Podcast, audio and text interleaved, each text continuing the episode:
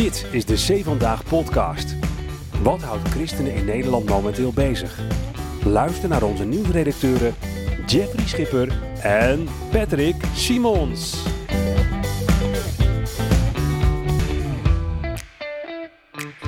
Manbezoek kerkdienst in legeruniform. Mededeling over pannenkoekenfeest zorgt voor consternatie. En homo's met een relatie welkom aan de avondmaalstafel in Enschede. Dit is de C Vandaag podcast. Nou, als dit niet een teaser is van heb ik jou daar. Jij dacht bij de teaser, ik noem alleen de berichten die ik bespreek. dat is puur toeval. Ja, ja, dat zou ik wel, dacht, ja. zoals wat luchtige berichtjes ja, dat eh, dacht ik al, oplezen. Dat dacht ik al. ja, het is wat. Dan gaan we het over pannenkoeken en legeruniform hebben. Ja, Als ik daarom gewoon naar Utrecht moet komen. Ja, nou, Pet, met je, met je, wat is het, iced tea? Co- cola. Cola, Cola Zero. Cola Zero. jongen, jongen, iced tea. Nee, het is wat, wat is het dan? Cola Zero? Oh, sorry, ik zat naar die ene grote kop ernaast te kijken. Dit, dit is eh, gewoon kippensoep. Vier uur kuppensoep. Ja. Dat zouden meer mensen moeten doen. Zeggen we dan. Pet, het is lang geleden dat we jou in de podcast hebben gehoord. Dat komt natuurlijk omdat ik een tijdje in Israël was. Ja. Ik daarna wat andere gasten had. Ja. Maar het gaat goed met je? Het gaat uitstekend met mij. Ja, dat is mooi om te horen. Ben je al vakantie toe of zit je nog helemaal uh, Nee, hoor. vrijdag erin? Ik werk nog wel een maandje of zes door. Zo, zo toe maar. Ja. Ik, mijn, mijn vakantiefocus ligt altijd in de winter, hè, zoals je weet. Ja, ja, ja. dan ga ja, ik wintersporten en ik ga het komende winter wat vaker op wintersport, denk ik. En dan van de zomer neem ik gewoon weinig vakantie. Werk ik lekker door. Dan kun jij lekker eh, op het strand gaan liggen. Jij bent namelijk binnen zomer, man. Ja. En Ja. dan in de winter mag jij werken en dan ga ik lekker op de piste.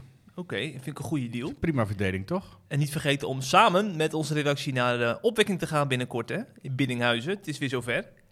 Hartstikke leuk. Dat is, eh ja, Pinksterweekend natuurlijk. Ja. Open op lekker weer. Ja. Mooie preken, mooie aanbidding. Daar gaan we voor. Niet iedereen ging daar naartoe trouwens, hè? Nee, nee, nee, er zijn mensen die niet gaan. Ja. Maar goed, die moeten er ook zijn. Hè? Hey, maar we hebben zoveel te bespreken. Laten we van start gaan met de ergernis van de week.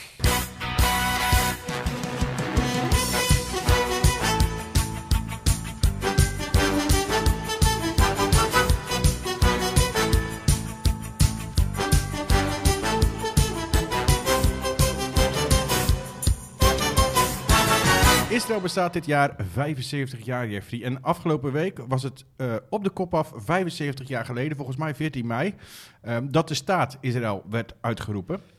Nou, dat is al op alle mogelijke manieren gevierd door verschillende organisaties en kerken. Maar de NOS die koos deze week voor een heel ander frame. Die publiceerde namelijk een artikel. ehm, de Palestijnen worden deze week 75 jaar lang onderdrukt. Eh, stond ik eerlijk gezegd niet zo van te kijken, want we weten allemaal dat de NOS lichtelijk bevoordeel, bevooroordeeld is in, dit, eh, deze zaak, net als wij overigens. Ehm, maar uitgerekend de protestantse kerk in Nederland, de PKN, die nam dat frame over. En dat verbaasde me wel enorm. Zij plaatste namelijk een uitgebreid artikel over de geschiedenis van de Palestijnen de afgelopen 75 jaar. Dat plaatste op hun social media accounts met als bijschrift, en ik citeer... Tussen 1947 en 1949 moesten ruim 700.000 Palestijnen uit hun dorpen vluchten. In deze periode, die vanuit Palestijns perspectief de Nakba, tussen haakjes ramp of catastrofe, werd genoemd, kwam het tot de vorming van de staat Israël. Dit jaar 75 jaar geleden. Nou, we hebben natuurlijk recent hebben we de, de van de PKN, René de Reuver, gehad, die tijdens die met de Raad van Kerk op bezoek ging naar Israël en Palestina en die vervolgens in dat reisverslag eh onomwonden de situatie van Palestijnen vergeleek met de Holocaust. Er is een heel, heel veel ophef over geweest. Is ook aangepast overigens. Niet alleen Eh, hij, hè? Met een groep zei hij dat. Hij heeft dat stukje geschreven. Ja, stond ze echt? Oké. Ja. Verbaasd. Geloof mij maar. Ehm daar is nodige ophef over geweest, dat is veranderd. Eh, maar het lijkt erop, zeker als ik dit nu ook weer lees, dat de PKN eh, eh, eigenlijk steeds meer kleur gaat bekennen. Ze gaan binnenkort ook hun standpunt ten aanzien van Israël veranderen, is al, is al meerdere keren aangekondigd.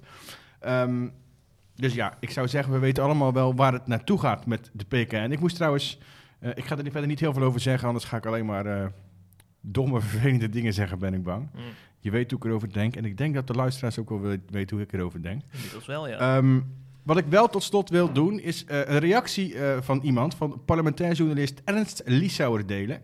Die reageerde op de tweet van de PKN.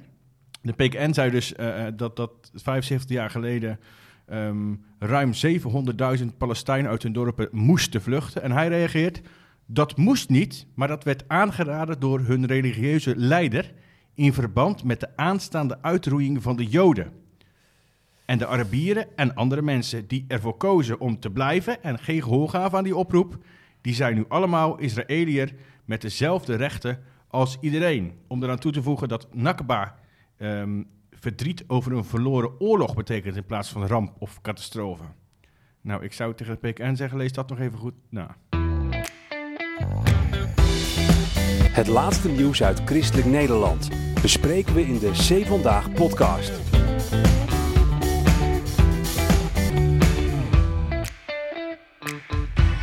De taak van de politiek om eh, de christelijke gemeenschap hier te beschermen en dus ook moslims te weren.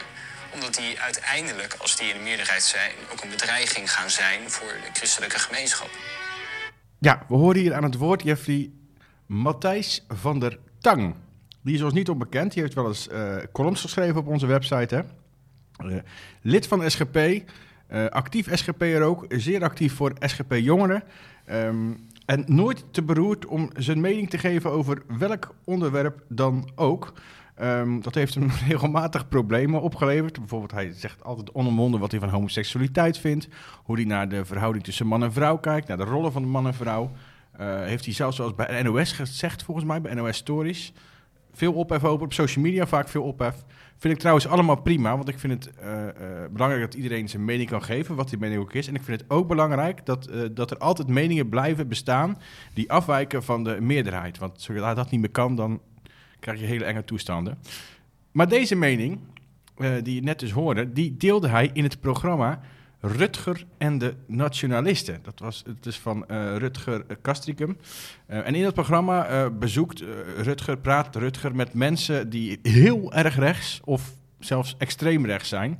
En die komen dan aan het woord over onderwerpen als, als omvolking, over het verdwijnen van de Nederlandse cultuur. Maar er, kwamen zelfs, of er kwam zelfs een openlijke antisemiet in voor, die de holocaust ontkende en die het heel normaal vond om Hitler en de nazi's te verheerlijken.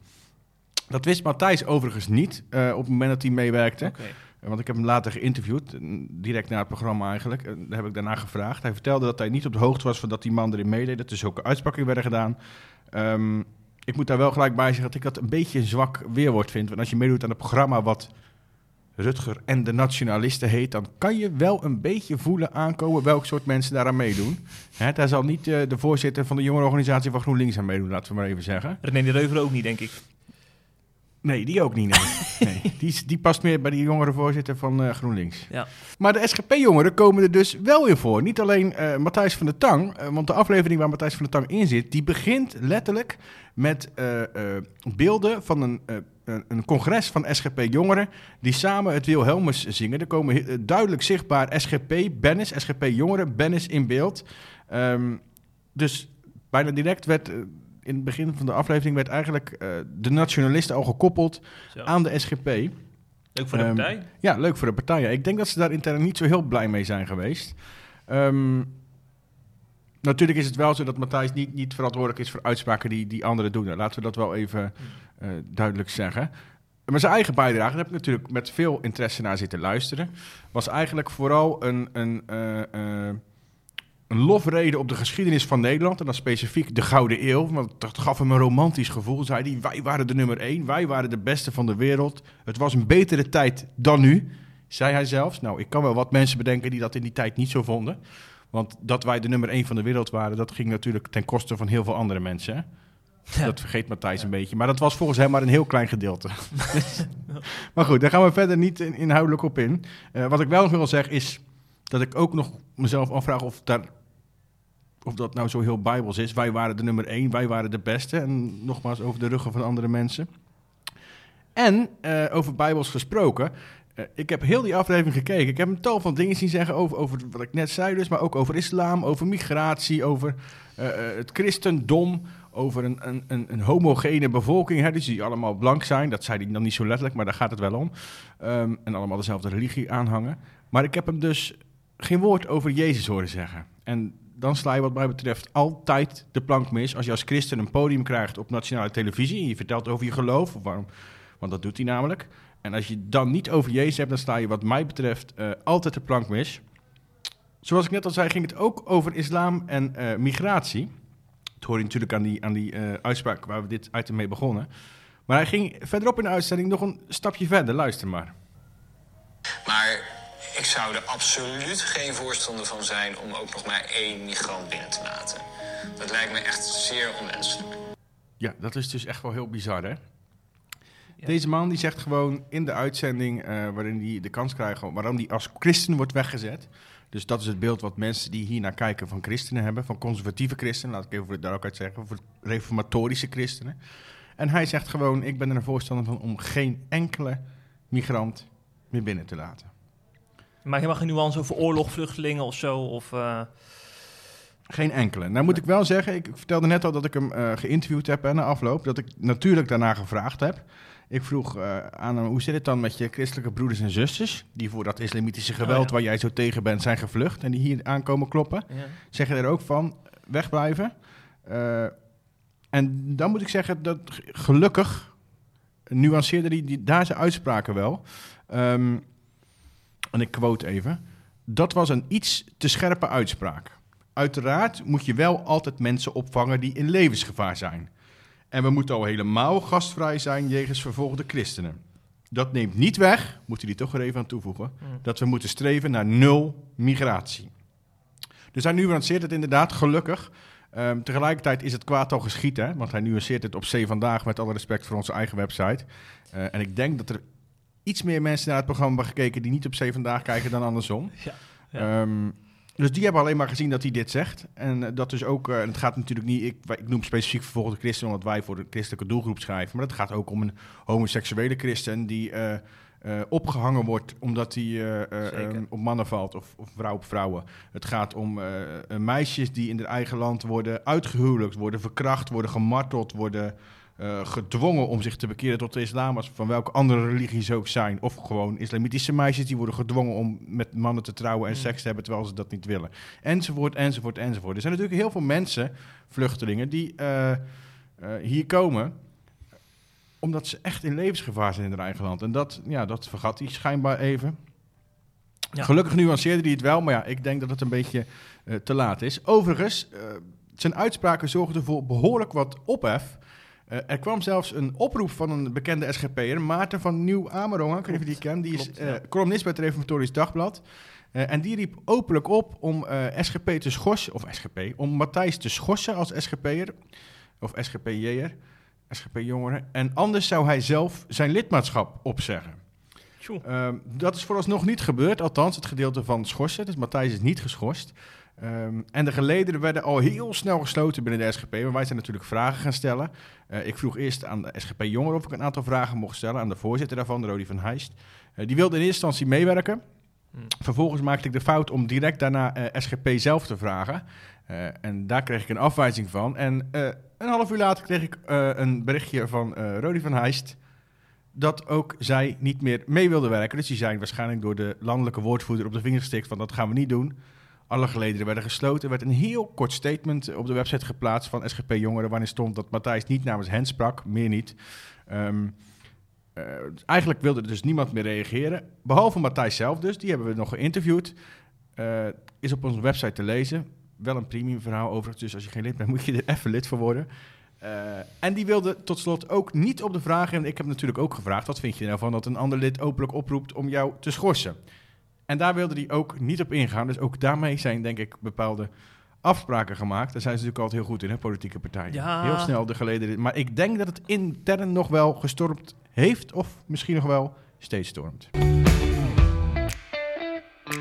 In Enschede is men te laat om de gelederen gesloten te houden, want daar is de voltallige kerkraad afgetreden van de christelijk gereformeerde kerk. En dat heeft alles te maken met uh, het besluit om homoseksuele kerkgangers die een relatie hebben toe te laten tot het heilige avondmaal. Omstreden besluit, want uh, uh, de generale synode van de CGK heeft eerder al landelijk besloten om uh, dat niet te doen. En er wordt dan ook van de lokale kerken verwacht om daarin mee te gaan. En eh, ja, daar gaat de Enschede Oost gaat er dus tegen in. Overigens niet de eerste kerk hoor. In Zwolle eh, deed men het al langer. En eh, vandaar dat, eh, dat Zwolle al op de vingers is getikt door de klassis. Eh, met het verzoek om zich toch aan de landelijke richtlijn te houden. Dat zal ze leren. ja, inmiddels denkt Zwolle van het zal wel, we doen toch ons eigen ding. Het is, het is allemaal, zulke, allemaal voor de vorm is dit. Ja. Van twee kanten. Ah, het is echt, ik, als ik naar de CGK kijk, dan moet ik elke keer aan die Titanic denken. Hij vaart nog en eh, ze denken misschien nog af en toe dat hij op koers ligt. Maar er gaat een keer een botsing komen, joh. Dan klapt heel die kerk uit elkaar. Het is wachten tot, tot het moment. Ja, en dan gaat er een groot gedeelte naar de PKN waarschijnlijk. Ja, dat denk ik ook, ja. Ja. Ja. Maar het is wel triest, hè. Ook gewoon zo'n lokale kerk zitten 370 leden in. Die krijgen dan eh, op, op, twee eh, avonden te horen bij ze bijgepraat worden dat de kerkraad dit besluit heeft genomen. Overigens 9 voor 6 tegen, dus er was wel verschil van mening. Hè. 9 voor het besluit om homo's met een relatie toe te laten tot het avondmaal. En dus er wordt dat toegelicht en dan ontstaat er zoveel onrust dat ze besluiten om maar met z'n allen af te treden en dadelijk een tijdelijke raad. Het is ervoor getikt. Ja, dan komt er jouw telefoon. Dat heb ik al vaker met mijn telefoon. Zet hem dan uit. Doe hem weg. Oh, wacht, vliegtuigstand. Ja. Dat is zo vaak gebeurd. En elke keer maak je weer dezelfde fout. En dan kijk je nog naar mijn telefoon ook, alsof daar mijn telefoon ligt. Bé. Wacht even. Minuut 20. Waarom gaan we nou allebei twee keer achter elkaar boeien? Ja, omdat eh, voor de volgorde van de items beter is. dan een luchtige Ja, en dan een zware. snap het. Uiteindelijk ontstond er zoveel consternatie dat de voltallige kerkraad besloot om af te treden. En er dus een tijdelijke raad moet worden ingesteld die voor rust gaat zorgen en eh, kerkraadsverkiezingen gaat uitschrijven. Het is echt ongelooflijk wat deze kerke- kerkelijke gemeente moet ondergaan aan de hand van eh, een synodebesluit. Hè. Dit is echt wel triest. Heel veel verdeeldheid en onrust. En we hopen in Enschede dat, eh, dat ze er maar een, een gros biertje op drinken. Om nog een beetje te genieten van Ja. eh, deze zware tij- ondanks de zware Ja. tijden. En ga dan gelijk naar het FC Twente stadion en eet daar een lekker broodje Benham. Want daar hebben ze de lekkerste broodjes Benham van heel de wereld. Oh, dat, dat, jij spreekt uit ervaring zo te zien. Ik spreek uit ervaring. Hè, wat Zo te nou, zien. Wat heb jij in Zeg je nou dat ik dik ben? wat heb jij in Enschede te zoeken in het oosten? Die kom je toch nooit? wel eens uitwedstrijden spelen. Oh, ja, ja, ja, ja. Ik snap het, ja. Ja, ja, ja. En is het, is het een beetje leuk om... Het komt bij een beetje oosters over, eh, als ik wel eens foto's Ja, van maar jij industrie. bent, jij bent inderdaad zo'n arrogante randstedeling. Dus jij vindt alles, alles buiten de Randstad Oosters overkomen waarschijnlijk. Dus laten we dat maar even laten Oké. liggen. Maar ik zal mijn hotelbon bewaren voor eh, Ja. een weekendje En Enschede. vergeet het broodje Benham dan niet. Dat was me eigenlijk mijn punt. Jij begint helemaal over het oosten weer. over uitwedstrijden gesproken, Jeffrey. Ja, Ik ben ook bij een uitwedstrijd in Spakenburg geweest dit seizoen. de rode of de blauwe? Eh, de blauwe zijn dat. Ja, ja. Of zit ja. ik nou mis? Dan weet ik het niet meer. Nee, de blauwe De hebben blauwe, de halve finale ja, van de ja, beker gehaald. tegen PSV, ja, Ja. ja. Ja. En daar is dit weekend iets heel bijzonders gebeurd volgens mij. Ja, ja, ja, ja. Er is een charismatische kerk in Spakenburg genaamd Lighthouse. Eh, daar was gewoon een, een gewone ochtenddienst gaande eh, met een paar honderd man. Maar er kwam opeens na een half uur, toen de dienst al begonnen was, kwam er een man in legeruniform het gebouw binnen. Ja, en er werd toch een beetje eh, gek naar gekeken. En er was één één iemand die dacht, ik ga de politie bellen. Want, stel, want hij had ook een rugtas om. Stel je voor dat hij iets van plan is, weet je wel. Liep die of tijgerde die? ja, was aan een oefening bezig.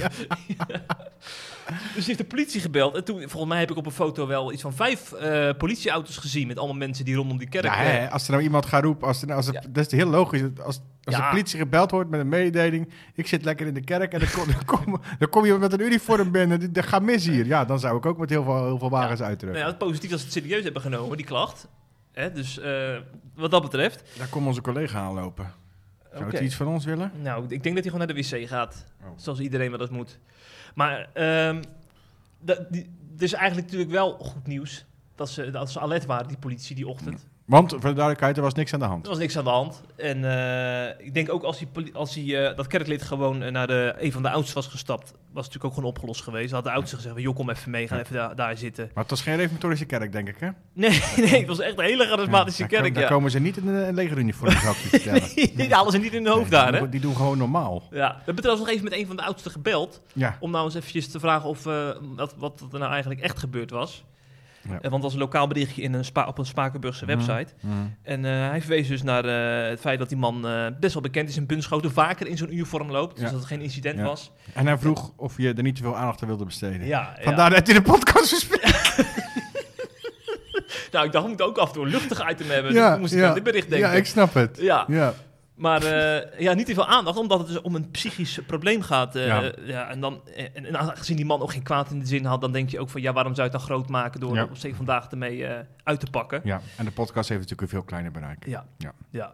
dus, eh, maar we hopen dat, eh, dat deze man niet eh, uiteindelijk in de, in de goot belandt en dat hij wel goed wordt opgevangen. Ja, Hè? Want ja. dat is ook belangrijk, ondanks zijn lege uniform. Ja, ja. Laten we maar weer witte vlaggetjes halen. Als hij dan voortaan met een wit vlaggetje binnenkomt, dan weten ze dat er niks aan de hand is. Het is trouwens, het is trouwens bijna hemelvaart, hè, Pet? Er, ik, weet- ik, er zijn christenen die hebben ooit opgeroepen om een witte vlag op hemelvaart uit te hangen. Om zo te dat, getuigen van... dat is eh, ook een groot succes geworden, ja. dat deed je toen tien keer aan mee of zo. Ja, Ja. Ja. nee, dat is geen succes. nee. Wat ook geen succes is, volgens veel jongeren, ehm, of veel jongeren, volgens EO Beam jongeren, laat ik het zo Oh, zeggen. Ja, ja. Ja, alle stokpaardjes, ik zit net te denken, alle stokpaardjes van mij komen voorbij deze podcast. Ik heb het over de PKN, ik heb het over eh, de jongerenafdeling van eh, de ChristenUnie en over de jongerenafdeling van de, van de Evangelische Omroep. Dat zijn de organisaties waar ik over het algemeen niet heel positief over ben. Maar ja, het was nou eenmaal nieuws. Hm. Wat is het geval met EO Beam? Ehm, die vinden dat de preken eh, in Nederland, in de kerken, niet meer aansluiten bij jongeren. Ze vinden ook dat er te weinig aandacht is voor zaken waar jongeren zich zorgen over maken. Zoals klimaatverandering, racisme en discriminatie van eh, eh, mensen van- vanwege hun seksuele geaardheid. En dus besloot EO Beam om een open brief te schrijven aan alle kerken en alle voorgangers in heel Nederland. En de directe aanleiding voor die brief was eigenlijk eh, dat er een wereldwijd onderzoek is geweest. Dat is eh, op initiatief van onder meer de World Vision, die organisatie ken jij wel, neem ik aan. Zeker. Eh, en daaruit blijkt dat eh 6% van de Nederlandse jongeren aangeeft ooit een bewuste keuze voor Jezus te hebben gemaakt. Nou, 6 procent? Ja, nou hou ik sowieso niet van die terminologie. Volgens mij heeft Ja. Jezus ooit een bewuste keuze voor ons gemaakt. Ja, Ja. dan ga je dat niet aanvinken als je dat gelooft. Nee, precies. Klopt. Begin Ja. over vinkjes, ja? Hoezo? Nee, laat maar. Oh. Ehm, maar goed, die zeggen dus 6%, of dat, uit het onderzoek blijkt dus 6% van de Nederlandse jongeren eh, heeft eh, ooit eh, bewuste keuze gemaakt voor Jezus. Dat is ongelooflijk veel lager dan het, het wereldwijde percentage. Daar zegt namelijk 22% van de jongeren die keuze te hebben gemaakt. Dat is nogal een verschil. En daarom maakt EO Beam zich behoorlijk zorgen. En ze hebben een brief geschreven, een open brief aan alle kerken, alle voorgangers in heel Nederland. En daarin zeggen ze: Wij zijn de 6%. En vervolgens doen ze hun eh, beklag over onder meer kerkdiensten. En ik citeer: Wij hebben het nodig om te ervaren dat de kerk een plek is voor jongeren. We verlangen naar preken en verhalen die ons leren hoe het in de praktijk werkt om Jezus te volgen. We zoeken naar manieren om geloof een plek te geven in ons leven. En we willen over onze dromen vertellen, onze zorgen om de wereld delen, onze vragen stellen. Te vaak zitten we in de kerk en horen we preken die niet over ons leven gaan. Geef ons ruimte, houd ons vast, praat met ons en laten we samen op zoek gaan naar de 94% Nou, op zich een sympathieke oproep. Alleen, ik denk dat het hier heel erg fout gaat. Sterker nog, ik vind het een beetje arrogant van EO Beam om te denken dat zij namens de 6% eh, Nederlandse jongeren spreken die geloven. Ze doen wel heel erg hun best. Hè. Ze zeggen bijvoorbeeld in het begin van die brief: eh, Wij zijn allemaal verschillende jongeren. Sommigen van ons lezen Statenvertaling, anderen van ons lezen eh, uit het boek of een andere vertaling. Nou, ik kan je vertellen, de jongeren die bij EO Beam aangesloten zijn, die Statenvertaling lezen, die zijn op één hand of een halve hand te tellen. Dus daar geloof ik niet in. En ze spreken gewoon simpelweg niet namens alle gelovige jongeren in Nederland. Dus zij zijn niet die 6 procent. Uh, ik, integendeel, ik weet zeker dat er duizenden jongeren zijn in Nederland... die in de meest uiteenlopende kerken trouwens... die het enorm naar hun zin hebben in de kerk... die heel tevreden zijn over de preek... die aansluiting voelen, die zich naar thuis voelen in een bepaalde kerk. Dat kunnen alle kerken zijn. Ik, heb, ik ken jongeren die voelen zich thuis in, in een hele streng gereformeerde sorry, streng reformatorische kerk. Ik ken jongeren die voelen zich thuis in een evangelische kerk, in een meer charismatische kerk. Um, dus wat zij zeggen, dat, dat, alle, dat ze namens die volledige 6% jongeren spreken, dat is gewoon niet waar. Dus doe dan ook niet alsof je namens al die uh, gelovige jongeren in Nederland spreekt. Wel slim, want nu wordt EOBeam overal genoemd in het ND, bij ons. Ja, maar niet in de, in niet de positieve zin nu. Ehm, ik geloof overigens zeker in de goede intenties van de brief. Hè. Laat dat Ja. duidelijk zijn, want ze, ze laten echt goed merken... wij willen de rest van onze leeftijdsgenoten, de andere 94 Mhm. willen we eh, over Jezus vertellen... en we willen daarbij eh, eh, de hulp van kerken en voorgangers... luister nou naar ons, betrek ons... Ja. of zorg dat wij jullie erbij kunnen betrekken. Ehm, alleen ja, ik word dan, als ik dan weer zie dat ze daar dan ook weer thema's als klimaat, racisme discriminatie vanwege seksuele geaardheid in proberen te weven, dan weet ik gelijk al dat het niet om 6% gaat die deze brief meet, maar waarschijnlijk nog geen half procent. Ehm, pretendeer dat dan ook niet. Ja. Dit had beter mijn ergernis kunnen zijn, hè? Ja, had, is, zit, er zit een klein ergernisje in. Ja, ja een klein ergernisje, ja. Nou, als we dan toch bezig zijn, ehm, we blijven even bij jongeren. Trouwens, dit hier is mijn ergernis wel een stukje minder.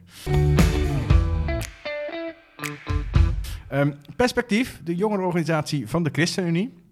eh, die komen in opstand. Niet voor het eerst natuurlijk. Daar zijn politieke jongerenorganisaties ook Ja. een beetje voor. Hè? Ja. Om in opstand te komen en te denken dat ze heel belangrijk zijn, wat ze niet zijn. Ehm, en dat doen ze niet alleen. Dat doen ze in samenwerking bij MIGA Nederland. Nog zo'n organisatie. Dat is, die komen altijd op voor rechtvaardigheid, toch? Samen met MIGA Nederland heeft eh, Perspectief dus eh, een, een, een aanklacht gepubliceerd. Dus geen open brief. Het wordt, het wordt eigenlijk elke gradatie wordt nu erger. Geen open brief, maar een, een aanklacht. En die aanklacht is tegen het kabinet vanwege het asielbeleid. En dat komt omdat de kans groot is dat er eh, binnenkort in A- Ter Apel, bij het aanmeldcentrum in Nederland, het enige aanmeldcentrum in Nederland, weer mensen op straat gaan slapen. En daar hebben ze overigens, om even serieus te worden, een heel goed punt. Wat was namelijk het geval? Vorig jaar, eh, die beelden hebben we allemaal gezien, hè, daar hebben we ook over geschreven, waren er echt onmenselijk inhumane toestanden in Ter Apel, waar, waar eh, vluchtelingen, asielzoekers buiten moesten slapen vanwege, ja, er was gewoon geen plek. Er was, gewoon, dus er was geen plek meer. Ehm, en het ging niet alleen om buiten slapen. Er waren, het was heel onhygiënisch hè, daar. Het was echt een troep. Het was smerig. Het was nou... Ik zou bijna zeggen, je zou er beesten nog niet rond laten lopen of laten slapen. Maar daar, daar sliepen dus mensen. Het Rode Kruis ging er naartoe, hè? Ja, precies. Ehm, nou, en dat heeft voor ongelooflijk veel ophef gezorgd. Hè.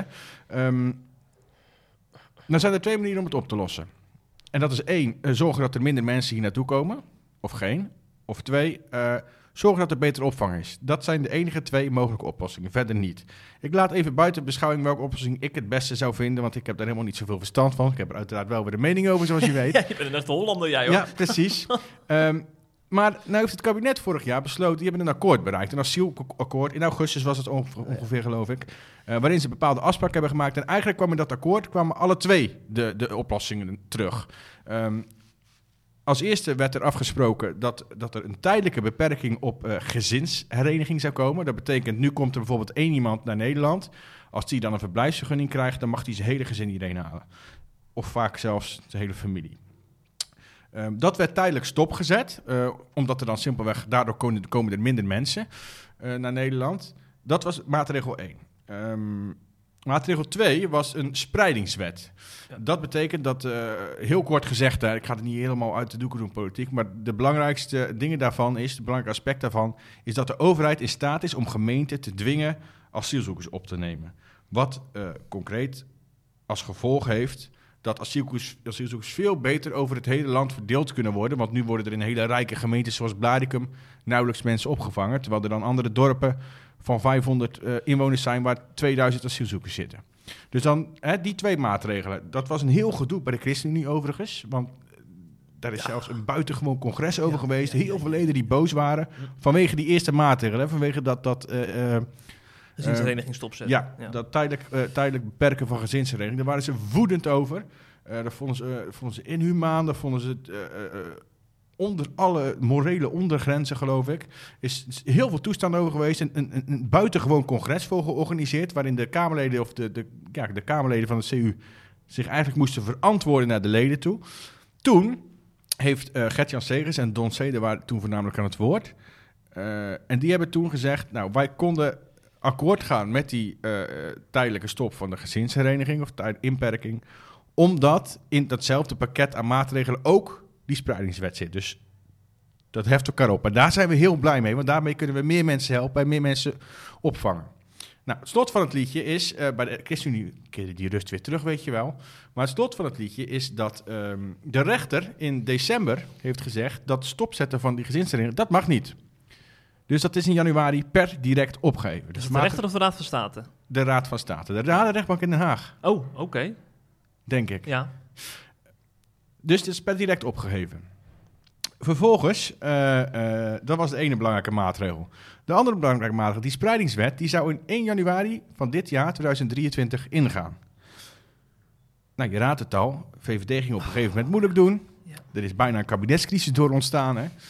Eh, gevolg, het gaat alsnog wel door. VVD is akkoord, maar minimaal een jaar later, dus minimaal 1 januari 2024. Ongekend, ongekend. Dus, wat ik net zei, we hebben een asielakkoord met twee belangrijke aspecten.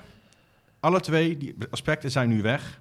Gevolg, we krijgen deze zomer en misschien al binnen enkele weken weer dezelfde toestanden te zien. En we krijgen weer mensen die buiten gaan slapen. We krijgen weer in een land als Nederland, waar wij eh, eh, soms uit eten gaan voor 100 euro per persoon. eh, waar andere mensen een fiets hebben van duizenden euro's. Slapen straks weer mensen buiten met een klein beetje eten. Eh, tussen de stank van de uitwerpselen. Het is echt ongelooflijk. Ja. Nou, dat vindt dus ook perspectief. En dat vindt eh, Miga Nederland ook. En niet alleen zij, er zijn een heel hoop mensen die de aanklacht die zij hebben eh, gedaan tegen het kabinet hebben ondertekend. René, René de Leuver, daar is hij René weer. de Reuver, daar is hij weer. Jazeker. De PKN uiteraard. Ook World Vision weer. Stichting Gave. Dat is natuurlijk een, die zijn altijd bezig met voor asielzoekers. Ehm, ja, die PKN, ja, ze staan overal bij, hè? Ja, ja. Behalve, behalve als het over christenvervolging gaat, dan zie ik ze niet zo vaak. Eh, en als het over het leven gaat, dus abortus of euthanasie. Ja. Dan hoor ik ze nooit. Ja, de conservatieve, conservatievere thema's, ja, zeg maar. ja, ja, ja. Dus het is een hele bewuste keuze, hè? Misschien toch mijn lidmaatschap wel weer eens overwegen. Ja. Enfin, niet iedereen, ik, je merkt aan mij hoe ik nou net mijn verhaal, dat ik op zich best wel die aanklacht heel goed begrijp. Eh, zelf persoonlijk, want ik vind het echt, echt onacceptabel dat dit gebeurt in Nederland. Mm. Eh, maar niet iedereen was het met die aanklacht eens. Het waren ook nogal heftige woorden, moet ik zeggen hoor. En ik zal even citeren, een stukje uit de brief, Ja? uit de aanklacht. Er is geen vluchtelingencrisis in Nederland. Het is politieke onwil en bestuurlijk onvermogen om asielzoekers humaan op te vangen. Er moet een einde komen aan het al jarenlange afschrikbeleid richting kwetsbare vluchtelingen. Niemand moet meer buiten slapen. Nou, dat laatste is iedereen het mee eens, denk ik. Eh, die eerste dingen is nogal wat. Hè. Ik vind dat er wel een vluchtelingencrisis is. En dat afschrikbeleid, ja, daar kan je ook anders over denken. Wie daar bijvoorbeeld anders over denkt, is dominee Martin Visser. Ah, Die is ons niet onbekend, hè? die interviewen we wel eens. Schrijft ja. ook wel eens iets op, op eh, C Vandaag. Ehm, en die reageerde op Twitter. En het bijzondere is dat hij zelf eh, zes jaar lang eh, actief is geweest, heel nauw betrokken is geweest bij Stichting Gave. oh ja. En die heeft dus mede deze, deze aanklacht ondertekend. En hij schrijft: Ik heb zes jaar van mijn leven gegeven voor het opbouwen van de grootste christelijke organisatie voor asielzoekers in Nederland, Stichting Gave. Maar hiermee, en dat doelt hij dus op die aanklachten, stel je jezelf buiten de realiteit. Want zonder afschrikbeleid heb je niet tienduizenden, maar miljoenen asielzoekers hier. En vervolgens noemt hij dan, dan wat voorbeelden op van het afschrikbeleid, wat volgens hem wel degelijk goed kan zijn. Eh, paspoorten om te reizen, een visumplicht, een plicht om in de eerste Europese land waar mensen binnenkomen als asielzoekers, moeten ze eigenlijk gelijk zich aanmelden. Ehm, Europa afsluiten heeft hij het zelfs over. En vervolgens richt Visser zich direct tot de schrijvers en de ondertekenaars van de brief. En dan zegt hij: Jullie doen moreel superieur over barmhartig zijn voor het kleine percentage dat door het net glipt. De vervelende realiteit is dat er niet aan te ontkomen is om een net te hebben. Ook voor jullie niet, als je het voor het zeggen zou hebben. Dus doe nou niet zo stoer en erken gewoon dat er geen simpele oplossingen zijn. Om daar vervolgens nog aan toe te voegen, neem alsjeblieft deze gedachte serieus. Als je alle ellende die het asielcircus oplevert optelt, van achterblijvers, reizigers, gestranden, afgewezen en toegelaten, is die waarschijnlijk groter bij een open dan bij een streng asielbeleid. Dus die ging even de discussie aan. Eh, we hebben nog gevraagd om een column hierover. Ja. Ik kreeg een hele mooie reactie, moet ik zeggen. Hij zegt, ik wil altijd mijn mening geven. Dat doe ik ook op Twitter, dus dat heeft hij nu gedaan. Ehm, maar actief in de pers een mening hierover delen... dat vind ik niet passen bij mijn eh, voornemen... om vooral bekend te staan om mijn belangrijkste taak. En dat is via internet mensen over de Jezus vertellen. Namens Global Rise, ja. Vind ik fantastisch. Ja, Ja, goed dat je die organisatie nog even noemen. Dat is een prachtige organisatie. ja, ja, ja. Maar goed, de conclusie van het hele verhaal is dat er binnenkort gegarandeerd problemen komen in het kabinet. Gegarandeerd problemen binnen de ChristenUnie. En wat misschien nog wel het allerergste is, gegarandeerd problemen in Ter Apel. En eh, tussen de problemen door, niet vergeten om af en toe even naar een pannenkoekenrestaurant te gaan. Om even bij te komen van al het politieke werk. Pannenkoek! Ik moet ineens aan Van Basten denken, weet je dat ja, nog? ja, dat zei een supporter tegen hem Ja, toen hij eh, een keer verloren had met Ajax of zo toen. Ja, ja, die naam kan je beter niet noemen. Maar eh, ja, dat heeft natuurlijk alles te maken met de break van dominee Peet, CGK-dominee. Ja, wat? Ja, Ja, er ging een fragmentje viral. zo gelachen. Ik Ik, zag zo om Een lachen. fragmentje waarin, eh, ja, misschien goed om die gelijk even te laten horen met dominee Peet. zijn nog van harte welkom. Op woensdag 31 mei wordt er een pannenkoekenmiddag voor de ouderen georganiseerd. Alle leden van 60 plus worden uitgenodigd om vanaf 12 uur een pannenkoek te komen eten in de Zoete Suikerbol in Vlaardingen. De middag is rond 3 uur af. Sorry. 3 uur afgelopen. U kunt zich tot 26 mei aanmelden bij de diaconie. Op de contactcommissie, sorry. Nou. Eh, Vanavond komt de JV bij elkaar om kwart over acht bij Lydia de Jonge thuis. Tot zover deze mededelingen. In elkaar de dienst. Jij hebt ook hard gelachen toen je dit eh, Oh ja maar, ja, maar ik ken hem als een best wel een serieuze man. Ik heb hem een paar keer geïnterviewd ook. Oh ja. Eh, en het is een hartstikke vriendelijke, aardige man. Maar wel echt zo'n echt zo'n serieuze revo-dominee best wel. Hè? Nou, niet echt hele strenge revo wel Nee, hoor. ja. Maar wel echt zo dat van dat... eh, op de preekstoel gaat alles, weet je wel. Ja. En dan nu in één keer die schoot in de lach en die kon niet meer stoppen. Ja, ja, en, ik, en ik moest... Ik, ja, maar, maar ik snap het natuurlijk wel, weet je wel. Ja, je staat daar, eh, je staat daar van allerlei serieuze dingen te vertellen over, over levensbelangrijke zaken. En dan, Ja. dan moet je dus gaan vertellen dat er om 12 uur een pannenkoek gegeten wordt in, in, in pannenkoekenhuis, de zoete, zoete suikerbol. ja. Dat kan toch ook helemaal niet? Nee, nee, nee. Nou ja, er zijn meer mensen die denken van kan dat niet anders. Als dominee eh, Arjan Beernissen van de PKN. Hij vond het mooi dat hij er trouwens om kon, kon lachen, zijn een collega. Maar hij zegt, pannenkoeken en alle andere platte mededelingen kunnen volgens mij prima buiten de eredienst om. Op een app, in de nieuwsbrief, op een kerkblad. Op zondag de hoofden omhoog en de lofzang aanheffen en ook het kerkbedrijf laten rusten.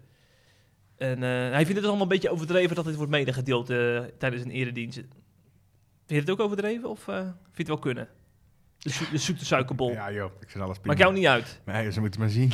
Het is toch leuk dat de mensen er dan ook heel serieus op ingaan dan, hè? Van, joh, die oudjes moet je ook Ja, wat gunnen denk, en ja, zo. ik- en, eh, Ik, ik vind het altijd een belediging voor, voor mijn werk als ik dan zie dat zo'n artikel dan weer een hele dag bovenaan staat. ja, dat is wel verbazingwekkend ook, hè? Pijn en moeite, zweet en tranen, diepgaande interviews en, en, en prachtige artikelen schrijven. En, eh, en zo'n pannenkoekartikel staat dan een hele dag bovenaan. En ik zie daar zelfs eh, bepaalde websites eh, die zichzelf kwaliteitsmedia noemen het ook gewoon doen. Die Ja. nemen het gewoon over. Sterker nog, die hebben ook nog een deskundige geraadpleegd, namelijk Paulien van Voorn. Oh, ik dacht een bakker. Wie bakt de beste pannenkoek? Ja, Bobo is de beste, beste pannenkoekenkok. Nee, nee, maar ze belde Paulien van Voorn. Misschien heeft ze ook wel bakervaring, hè? dat kan ik niet eh, beoordelen. Maar eh, zij heeft nog een tip voor mensen die met mededelingen te maken hebben in de eredienst. Ze zegt, kijk of je er een persoonlijke touch aan kan geven. Of misschien kan iemand anders er wat persoonlijks over vertellen. Dat je het wat persoonlijker maakt, minder droog. Hè, ah, Minder droog. ja, wat, wat suiker en stroop eroverheen. Ja, Ja, vertel wat persoonlijk over de pannenkoek. kan toch allemaal niet, waar zijn we nou toch over aan het praten? Wat Ja. doe ik hier met mijn Ja. tijd? misschien moeten we dit item ook bij deze even Schiet maar op. Weg ermee. En naar de uitsmijter van de week.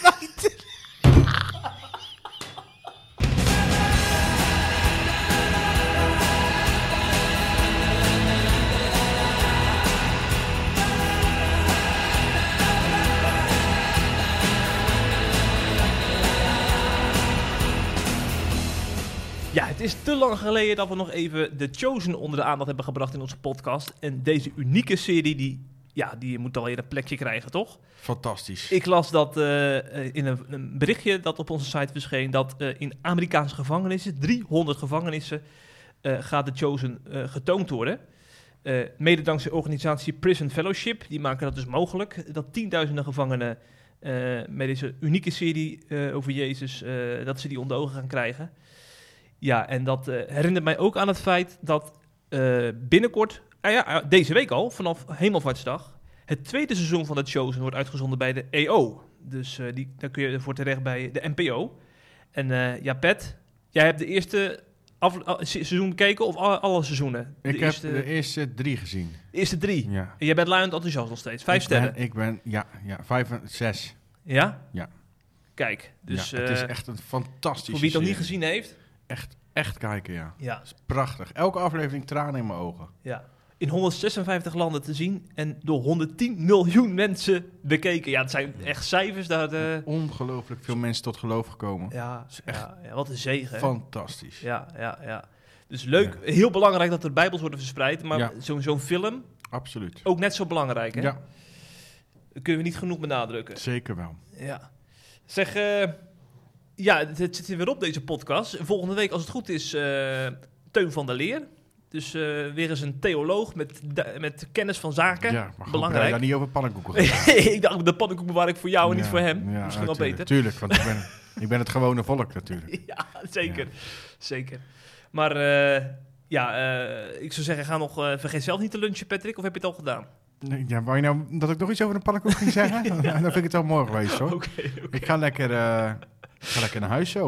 Wat dacht je daarvan? Ja, verder geen plannen vandaag? Het is 13 uur 11. Maar Het is Hemelvaartsdag donderdag, niet vergeten. Hè? Dus ga naar de kerk. We hebben, geen, we hebben helemaal geen dienst bij trouwens. Nee, dat, dat, dat- ja. Je gaat mensen oproepen naar de kerk te gaan, terwijl je zelf bij een kerk zit die Ja, geen dienst ja, ik, kan hebben. het toch niet. ik ben die van de organisatie. Ja, dan kan je dat toch even Ja, aankaarten. misschien moet ik dat eens doen, ja. Misschien moet de kerkraad aftreden.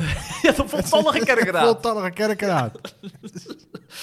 Over twee weekjes zijn we er ho- hopelijk... Nou trouwens, dan zijn we bij opwekking. Misschien moeten we er wel even bijkomen ook van Zullen we geen eh, podcastje op opwekking nee, opnemen? Dat moeten we nog eens overwegen, ja. Ja. ja. In het huisje dan, hè? niet op Ja, opwekking nee, zelf. met al die herrie niet. Op opwekking zelf. Oh, opwekking zelf, met publiek. Dat is een origineel idee. Ja, ja, ja. En dan gaan we dat overal aankondigen. Ja, ja. Nou, laten we daar nog eens eventjes eh, een vergadering over beleggen. Ja. Of het een goed idee is. Goed idee. De groeten. Doei.